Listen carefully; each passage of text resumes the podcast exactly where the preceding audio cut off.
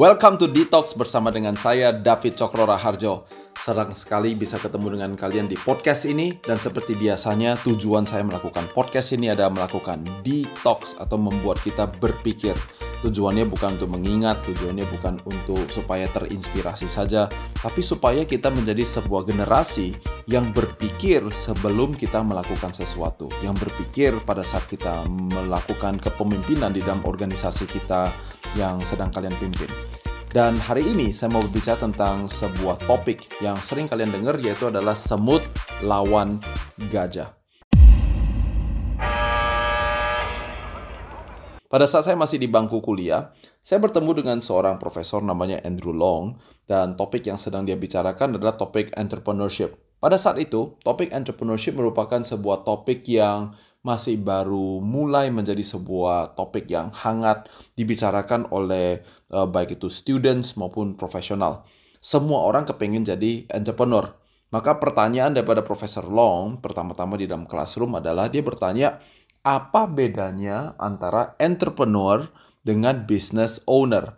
Dan di dalam definisi itu dia membuat sebuah uh, hint, dia memberikan sebuah hint bahwa ada bedanya dengan kata business owner. Dan kata owner itu yang menjadi uh, landasan untuk dia menjelaskan apa itu entrepreneurship. Yaitu adalah business owner, berarti dia own a business. So somebody that owns a business is a business owner. Jadi orang yang memiliki sebuah bisnis, dia adalah seorang business owner. Dan karakteristik daripada business owner adalah dia mau keep the business. Artinya dia bangun bisnis itu tujuannya adalah supaya apa? Supaya dia bisa keep the business. Karena dia mau own the business Nah, ini merupakan sebuah pemikiran yang penting untuk kita sebagai pemimpin pengusaha khususnya, karena kadang-kadang kita uh, terjebak di dalam sebuah pemikiran bahwa adalah kalau saya bangun bisnis berarti saya mesti jual bisnisnya, atau kalau saya bangun bisnis saya harus keep the business. Nah, ini sebetulnya adalah pemikiran tentang apakah kita mau jadi business owner atau kita mau jadi entrepreneur. Entrepreneur, Profesor Long menjelaskan, yaitu adalah adalah orang-orang yang sukanya, jagoannya, dan spesialisasinya adalah memulai bisnis. Artinya dari ide, artinya dari nol, dari gak ada apa-apa, bagaimana dia terus membangunnya sampai dari nol menjadi satu. Mulai daripada hanya sebuah ide, hanya sebuah tesis, bagaimana kemudian itu ditranslate dan menjadi sebuah bisnis yang nyata yang bisa melayani sekelompok customer, hire orang, and all those type of things. Dengan kata lain, entrepreneur memiliki sifat-sifat uh, memulai, tetapi belum tentu dia memiliki, sedangkan business owner dia own. Dan di dalam perjalanan sejak dari tahun 2000 sampai pada sekarang, berarti sudah 20 sekian tahun kemudian, saya melihat sebuah fenomena di mana orang-orang yang masih entrepreneur, yang masih startup, yang masih kecil, yang masih mikro, yang masih kecil, mereka berpikir bahwa adalah satu hari saya mau jadi besar sehingga selalu memiliki pemikiran tentang bahwa susah untuk menjadi uh, startup entrepreneur, susah untuk membangun usaha. Kenapa? Soalnya kalau saja seandainya saya punya resourcesnya pemain-pemain gede, karena mereka punya uang, mereka punya orang, mereka punya ini, mereka punya itu. Sehingga ada satu pemikiran bahwa adalah kita tidak bisa mengalahkannya. Itu sebabnya hashtagnya menjadi semut lawan gajah. Tetapi tensionnya yaitu adalah ada begitu banyak perusahaan yang sudah besar-besar, pemimpin yang sudah kelihatannya punya banyak sekali, dan mereka selalu melihat kepada para entrepreneur dan banyak sekali yang berpikir bahwa adalah mungkin saya perlu main di kelas-kelas daripada entrepreneur. Baik daripada beberapa orang yang melakukan investasi di entrepreneurship atau mereka membangun usaha-usaha kecil karena walaupun mereka punya perusahaan yang besar, berarti si gajah sekarang mau menjadi semut untuk memulai pembicaraan kita, diskusi kita pada hari ini, saya mengingat bahwa ada seorang filosofer dari Tiongkok yang bernama Lao Tzu. Dan Lao Tzu mengatakan adalah kita hanya mengenal ada yang cantik. Oleh karena apa? Karena kita pernah lihat yang jelek. Kita hanya bisa melihat sesuatu itu tinggi. Kenapa? Karena kita pernah lihat yang pendek. Kita bisa bilang orang ini pinter ya. Kenapa? Pasti karena dia pernah melihat yang agak sedikit kurang pintar alias goblok, betul gak? Atau kita bilang adalah ini sangat logika banget. Kenapa? Soalnya kita pernah lihat yang orang kerja yang nonsensical. Dengan alias adalah gak dipikirin kalau kerjanya. Artinya adalah perbandingan mengakibatkan kita bisa mengapresiasi sesuatu yang lain. Itu sebabnya kalau Anda merasa bahwa adalah, waduh, saya sebagai pemimpin kenapa saya terus-terus menerus dibandingkan, you need to make peace with the comparables, Anda perlu untuk berdamai dengan diri sendiri untuk melihat perbandingan-perbandingan, baik perbandingan yang Anda bikin sendiri atau dibikin oleh orang lain atau yang tidak sengaja terjadi dalam kehidupan kita. Kenapa? Karena perbandingan itu akan selalu ada di dalam kehidupan kita. Lao Tzu kemudian melanjutkan dan berkata begini, di atas yang pintar ada yang lebih pintar dan yang di atas lebih pintar ada yang lebih-lebih pintar. Dan guess what? Di atas yang lebih-lebih pintar, ada yang lebih-lebih-lebih pintar. Dan yang lebih-lebih-lebih-lebih pintar. Dan seterusnya, dan seterusnya, dan seterusnya. There will always going to be somebody that is better than you. Makanya hashtag kita untuk podcast ini namanya adalah semut lawan gajah. Artinya, sampai mati pun, sampai 10 tahun dari sekarang pun, biasanya akan selalu akan ada gajah di dalam kehidupan kita. Somebody is always better than me. Akan ada selalu orang, satu orang yang lebih tinggi atau lebih pinter atau lebih besar atau lebih kaya atau lebih maju atau lebih uh, uh, lebih high tech daripada posisi kita. Dan di dalam pemikiran semut lawan gajah ada tiga pemikiran utama yang menurut saya penting. Mari saya memberikan landasan pemikirannya, yaitu adalah if you ask the same question, you will always get the same answer. But if you ask a different questions, you will get a different answer. Kita mesti tanya pertanyaan yang berbeda, maka kita akan mendapatkan jawaban yang berbeda juga. Pemikiran bahwa there will always going to be somebody that is better than me, bahwa akan ada seseorang yang selalu lebih baik daripada saya, atau hashtagnya semut lawan gajah, tentu kita harus memiliki pertanyaan yang berbeda. Dan saya selalu bertanya tiga buah pertanyaan ini yang berbeda daripada orang lain. Yang pertama, setiap kali saya mengetahui bahwa saya adalah semut dan saya sedang melawan gajah, saya selalu bertanya pertanyaan ini, yaitu adalah what is my room for improvements? Apa sih yang perlu saya perbaiki? Apa sih yang bisa saya kembangkan dengan lebih baik lagi? The fact is, faktanya adalah karena selalu akan ada gajah di dalam kehidupan kita dan kita masih semut, artinya bahwa kita semuanya masih memiliki ruangan untuk improve. Ada tiga cara penting untuk improve. Yang pertama, namanya adalah evaluasi. Yang kedua namanya judgment. Dan yang ketiga adalah kritik.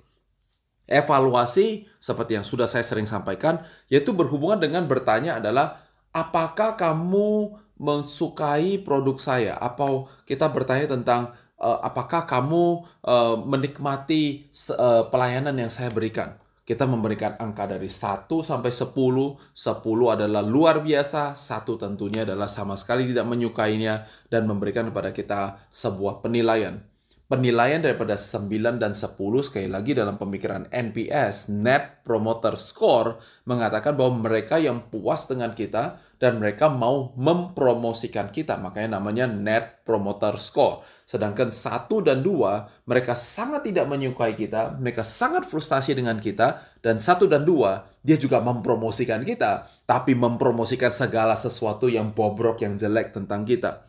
Artinya antara nomor 3 sampai nomor 8 antara dia frustasi ataupun dia puas masih ada yang kurang sehingga di situlah terletak room for improvements. Tentu kalau nilainya 3 atau 4 room for improvementnya masih banyak sekali kita kalau ada di 6, 7, atau 8, kita tahu bahwa ada room for improvement dan setiap kali kita improve, harapan kita adalah kita kita evaluasi lagi uh, produk ataupun pelayanan kita, kita mau angka itu naik sampai ke angka 9 dan ke 10 karena itulah room for improvement yang sedang kita kerjakan.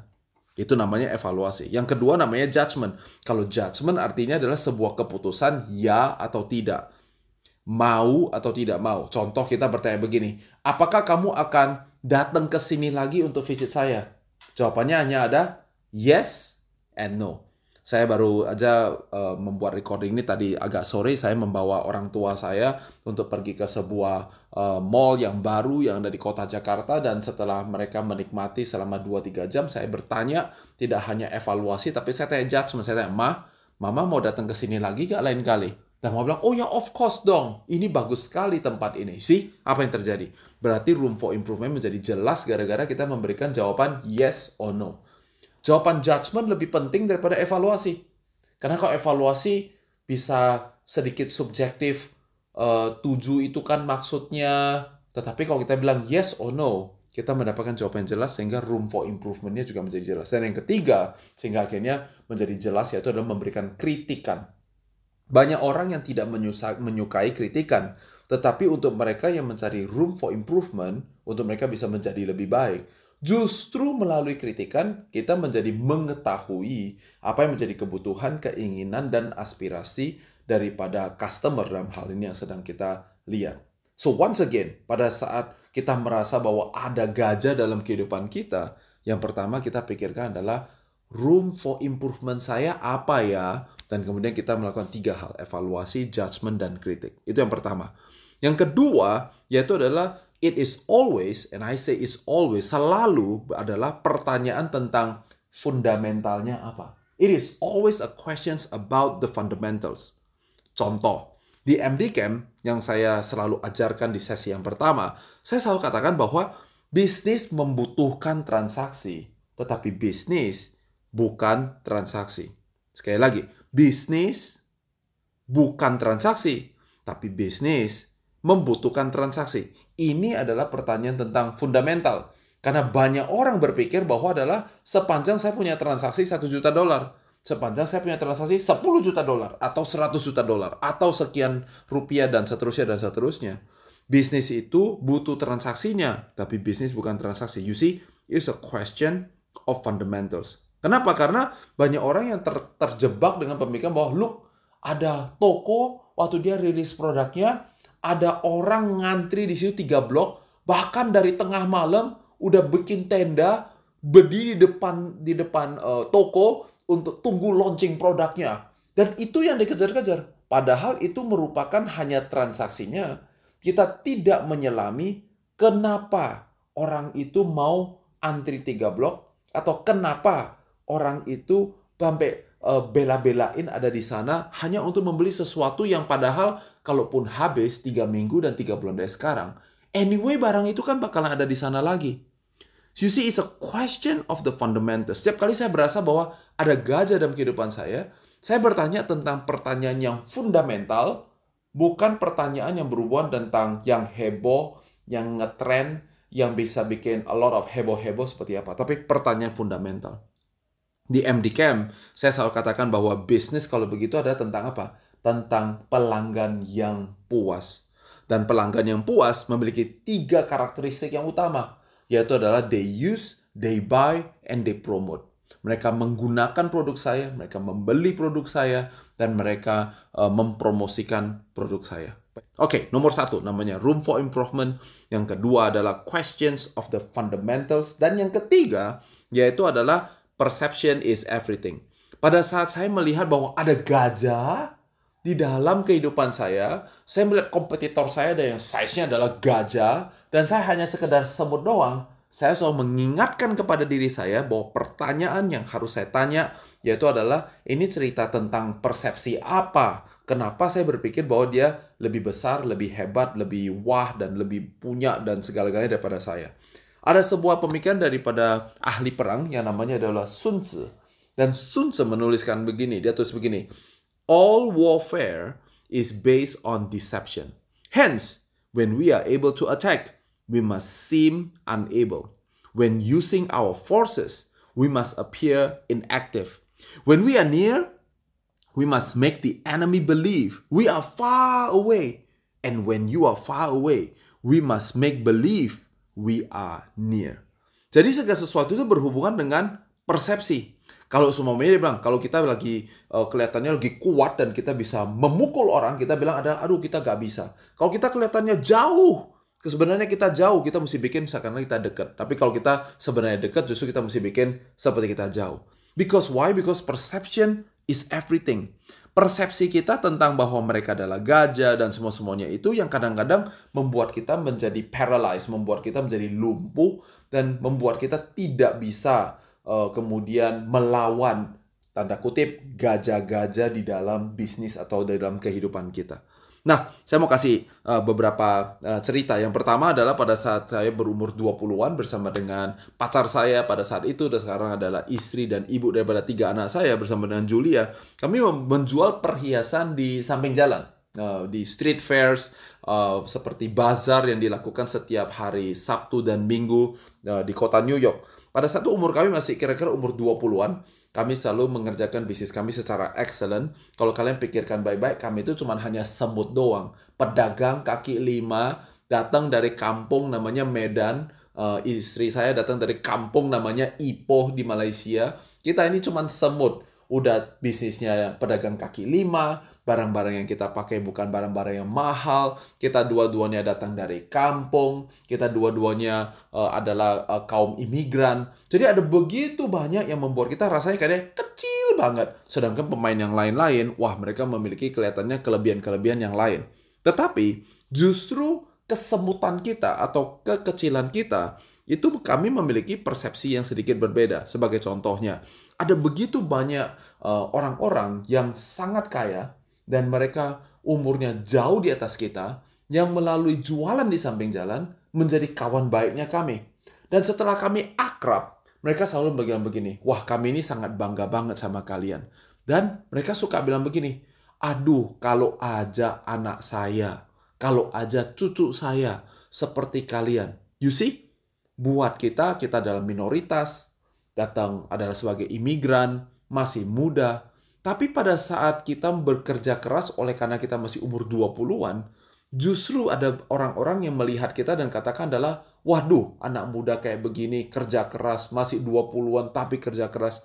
Justru mereka menjadi tertarik dengan kita, dan mereka menjadi customernya kita. Ini tidak terjadi hanya satu kali, dua kali, tiga kali, empat kali, lima kali. Ini terjadi puluhan kali, kalau nggak ratusan kali. Sehingga di situlah saya menyadari pada saat saya masih muda sekali bahwa my youthfulness, bahwa pada saat saya masih muda itu merupakan sesuatu yang merupakan sebuah keunggulan. Because why? Because perception is everything. Satu cerita lagi.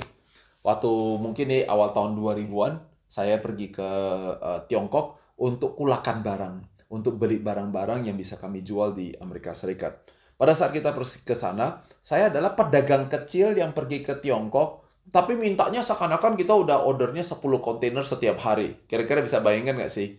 Kayak begitu. Dan sangat lucu sekali pada saat saya bertemu dengan mereka karena setiap kali saya bilang, saya mintanya begini, begini, begini, begini, begini, begini. Pada saat dulunya, dia menggunakan kata-kata seperti begini. Dia bilang adalah, gak mungkin, gak mungkin. Kamu cuma pemain kecil, mana mungkin, mana mungkin. Tetapi kemudian, pada saat saya bertemu dengan pemain-pemain atau supplier-supplier di sana yang lebih kecil, dia pakai bahasa ini dalam bahasa Mandarin dia menggunakan kata begini. Dia kata dalam wenti puta. Artinya bang, ini problem, tapi wenti itu artinya adalah masalah. Pu adalah bukan, ta itu adalah besar. Dengan kata lain dia bilang begini, yang kamu minta ini sebuah problem. Tapi wenti puta, dia bilang gini, tapi masalah ini ya nggak besar Artinya dia willing untuk menyelesaikan masalah itu. Itulah sebetulnya rahasia saya. Akhirnya saya membaca daripada perkataan orang-orang yang saya temui. Saya justru suka routing untuk semut-semut-semut yang ada di negara RRC. Yaitu adalah saya memperhatikan tentang bagaimana cara dia menjawab pertanyaan saya. Pada saat saya minta ini, minta ini, minta ini. Either dia cuma bilang begini, uh, ini semuanya masalah atau ini mana mungkin bisa dilakukan. Kamu cuma begini begini begini begini. Nah, jadi saya tahu bahwa dia berpikir dia seperti dia berpikir seperti gajah, dia tidak berpikir seperti semut yang fleksibel yang bisa bergerak panjang. Atau tentu ada satu uh, grup manusia lain yang semuanya saya tanya apa-apa dia selalu bilangnya begini. Me wenti, me wenti artinya adalah no problem at all. Waduh, kalau no problem at all, maybe itu juga bukan adalah sebuah partner yang cocok untuk kita terima. Saya mencari orang yang mengatakan wenti puta. Coba bayangkan sebentar.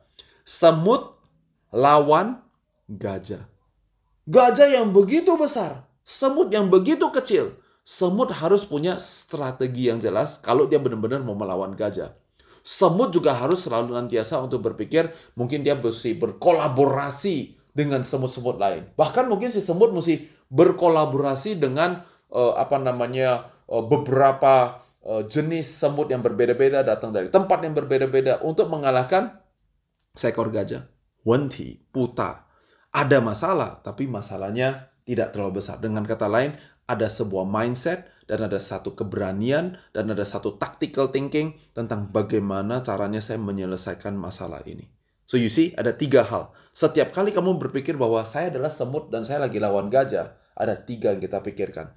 Kalau kita rubah pertanyaannya, yang pertama, room for improvement apa yang saya perlu kerjakan? Yang kedua, yaitu adalah pertanyaan ini yang secara fundamentalnya sebetulnya apa ya? Dan yang ketiga, yaitu adalah persepsi apa yang saya perlu pakai untuk menghadapi situasi ini.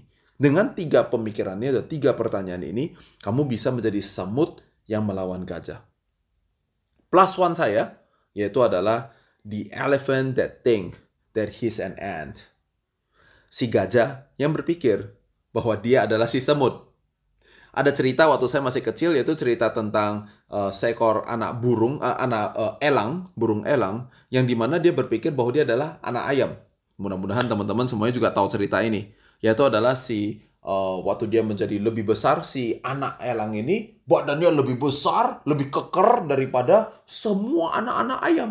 Tapi si anak-anak ayam bangun tiap pagi, pok, pok, pok, pok, pok, pok, pok, pok, pok, pergi cari cacing. Dan si anak burung elang yang begitu besar dan begitu kekar, yang sayapnya begitu besar, dia juga pergi seperti si anak ayam.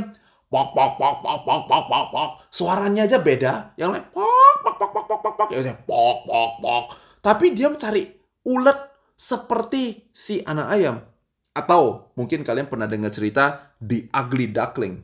Yaitu adalah si anak bebek yang jelek itu, yang warnanya hitam itu. Yang seumur hidup dia berpikir bahwa dia itu ugly, dia itu eh, jelek. Kenapa? Karena yang lain semua warnanya kuning, warnanya semuanya putih, warnanya semuanya, tapi dia punya black potan.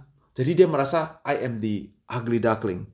Seperti itu juga cerita kalau mungkin di Indonesia kalian juga pernah cerita tentang bagaimana seekor singa yang pada saat dia masih anak singa, dia ditaruhin sebuah rantai di kakinya sehingga setiap kali dia berjalan dengan radius yang sudah diperkirakan sedemikian, maka si singa itu selalu ketarik tak kakinya sehingga dia tidak pernah keluar daripada radius yang sudah disediakan. Satu hari singa menjadi begitu besar dan kemudian rantainya dicopot. Tetapi si singa tidak pernah keluar dari lingkaran yang sudah dibikin. Kenapa? Karena ada sebuah mentalitas bahwa saya cuma bisa pergi sejauh radius itu saja. That by the way is how they train the lions in the circus. They put the pole, ada satu tiang yang dia taruh di tengah-tengahnya itu. Dan dari tiang itu, si singa gak pernah, walaupun dia bisa pergi ke mana-mana aja, dia tidak pernah menerkam, dia tidak pernah menyerang uh, uh, apa namanya uh, penonton yang ada di dalam sirkus itu. Kenapa? Karena radiusnya sudah dibikin sedemikian rupa sehingga dia selalu hanya ada di dalam satu lingkaran itu saja. Seperti itu juga bahwa uh, kalau kalian mau menjadi semut yang melawan gajah, kita perlu reverse engineering apa yang saya baru sampaikan. Cerita tentang si anak elang, cerita tentang si duckling, cerita tentang si uh, singa. You need to be thinking on the other way around. Karena sangat mungkin banget bahwa untuk kita berpikir bahwa saya mungkin adalah gajah, mungkin saya sudah jadi business owner, tapi I can think like an ant. Seringnya adalah semua orang berpikir bahwa mereka mau jadi gajah. Tetapi hanya beberapa orang hanya the great leaders yang mau untuk berpikir kebalikannya, yaitu adalah berpikir seperti semut. Ini rahasianya. Karena lebih banyak orang yang berpikir, saya mau jadi gede, saya mau jadi uh, gajah, dan saya tidak mau jadi semut. Semut dianggap sebagai sesuatu yang kecil, sehingga akhirnya mereka memiliki filosofi, I gotta think big, and I gotta start big. Kalau saya kerjakan sesuatu yang besar, saya harus juga mulai dengan besar. Pada saat tahun di tahun 2012 pada saat saya memulai Sovereign Capital di Indonesia, venture capital, saya diajak untuk bertemu dengan beberapa venture capital yang sudah ada di zaman itu. Salah satunya yang saya nggak bakalan lupa yaitu adalah di tengah-tengah SCBD itu gedungnya di tengah-tengah lantai dan uh, apa namanya memiliki air mancur di tengah-tengah gedung. Bisa bayangin kok, di tengah-tengah gedung ada air mancur untuk jadi lobbynya. Dan kemudian orang bilang begini, nah kalau mau jadi investor, kayak begini nih caranya. Dan saya berpikir pada diri saya adalah pada saat itu, kalau sumamanya fundnya kita bikin kantoran kayak gitu, semua budget kita hanya cukup untuk bikin air mancur itu. Gak usah cerita gedung kantoran, gak usah cerita kantoran, gak usah cerita gaji, gak usah cerita tentang pegawai. Hanya bayarin air mancurnya aja, sudah habis uangnya semuanya.